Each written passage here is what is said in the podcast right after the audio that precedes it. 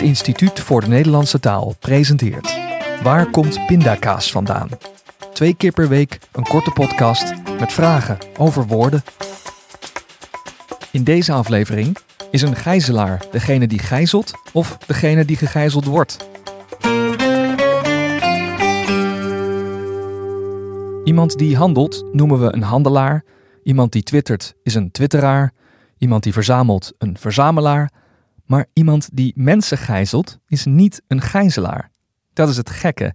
Iemand die tot er losgeld is betaald gevangen gehouden wordt, is de gijzelaar. Woorden die een activiteit beschrijven, zoals handelen, twitteren of verzamelen, en op aar eindigen, dus handelaar, twitteraar, verzamelaar, slaan meestal op de personen die die activiteit verrichten.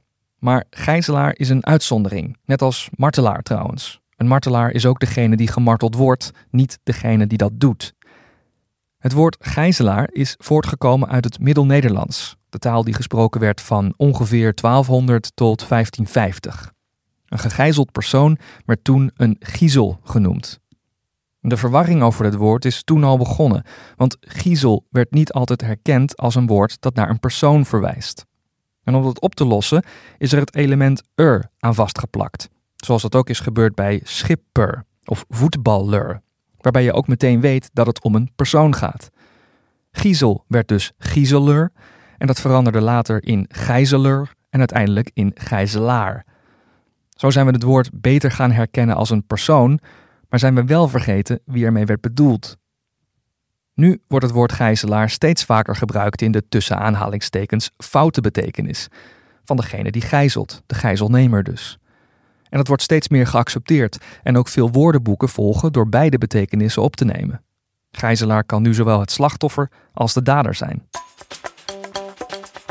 Daarmee blijft gijzelaar een verwarrend woord, maar wie duidelijk wil zijn, kan het woord vermijden. Dan gebruik je gegijzelde voor het slachtoffer en gijzelnemer voor de dader. Bedankt voor het luisteren. Mijn naam is Caspar Stalenhoef. Waar komt pindakaas vandaan is een podcast van het Instituut voor de Nederlandse Taal, gemaakt door Laura van Eerten en mijzelf.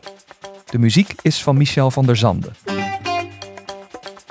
Deze podcast is geïnspireerd op het gelijknamige boek, gemaakt in samenwerking met het genootschap Onze Taal. Wil je meer antwoorden op vragen over woorden? Bestel dan in de webwinkel van Onze Taal het boek Waar komt suikerspin vandaan? Meer over woorden vind je natuurlijk ook op de website van het Instituut voor de Nederlandse Taal, ivdnt.org.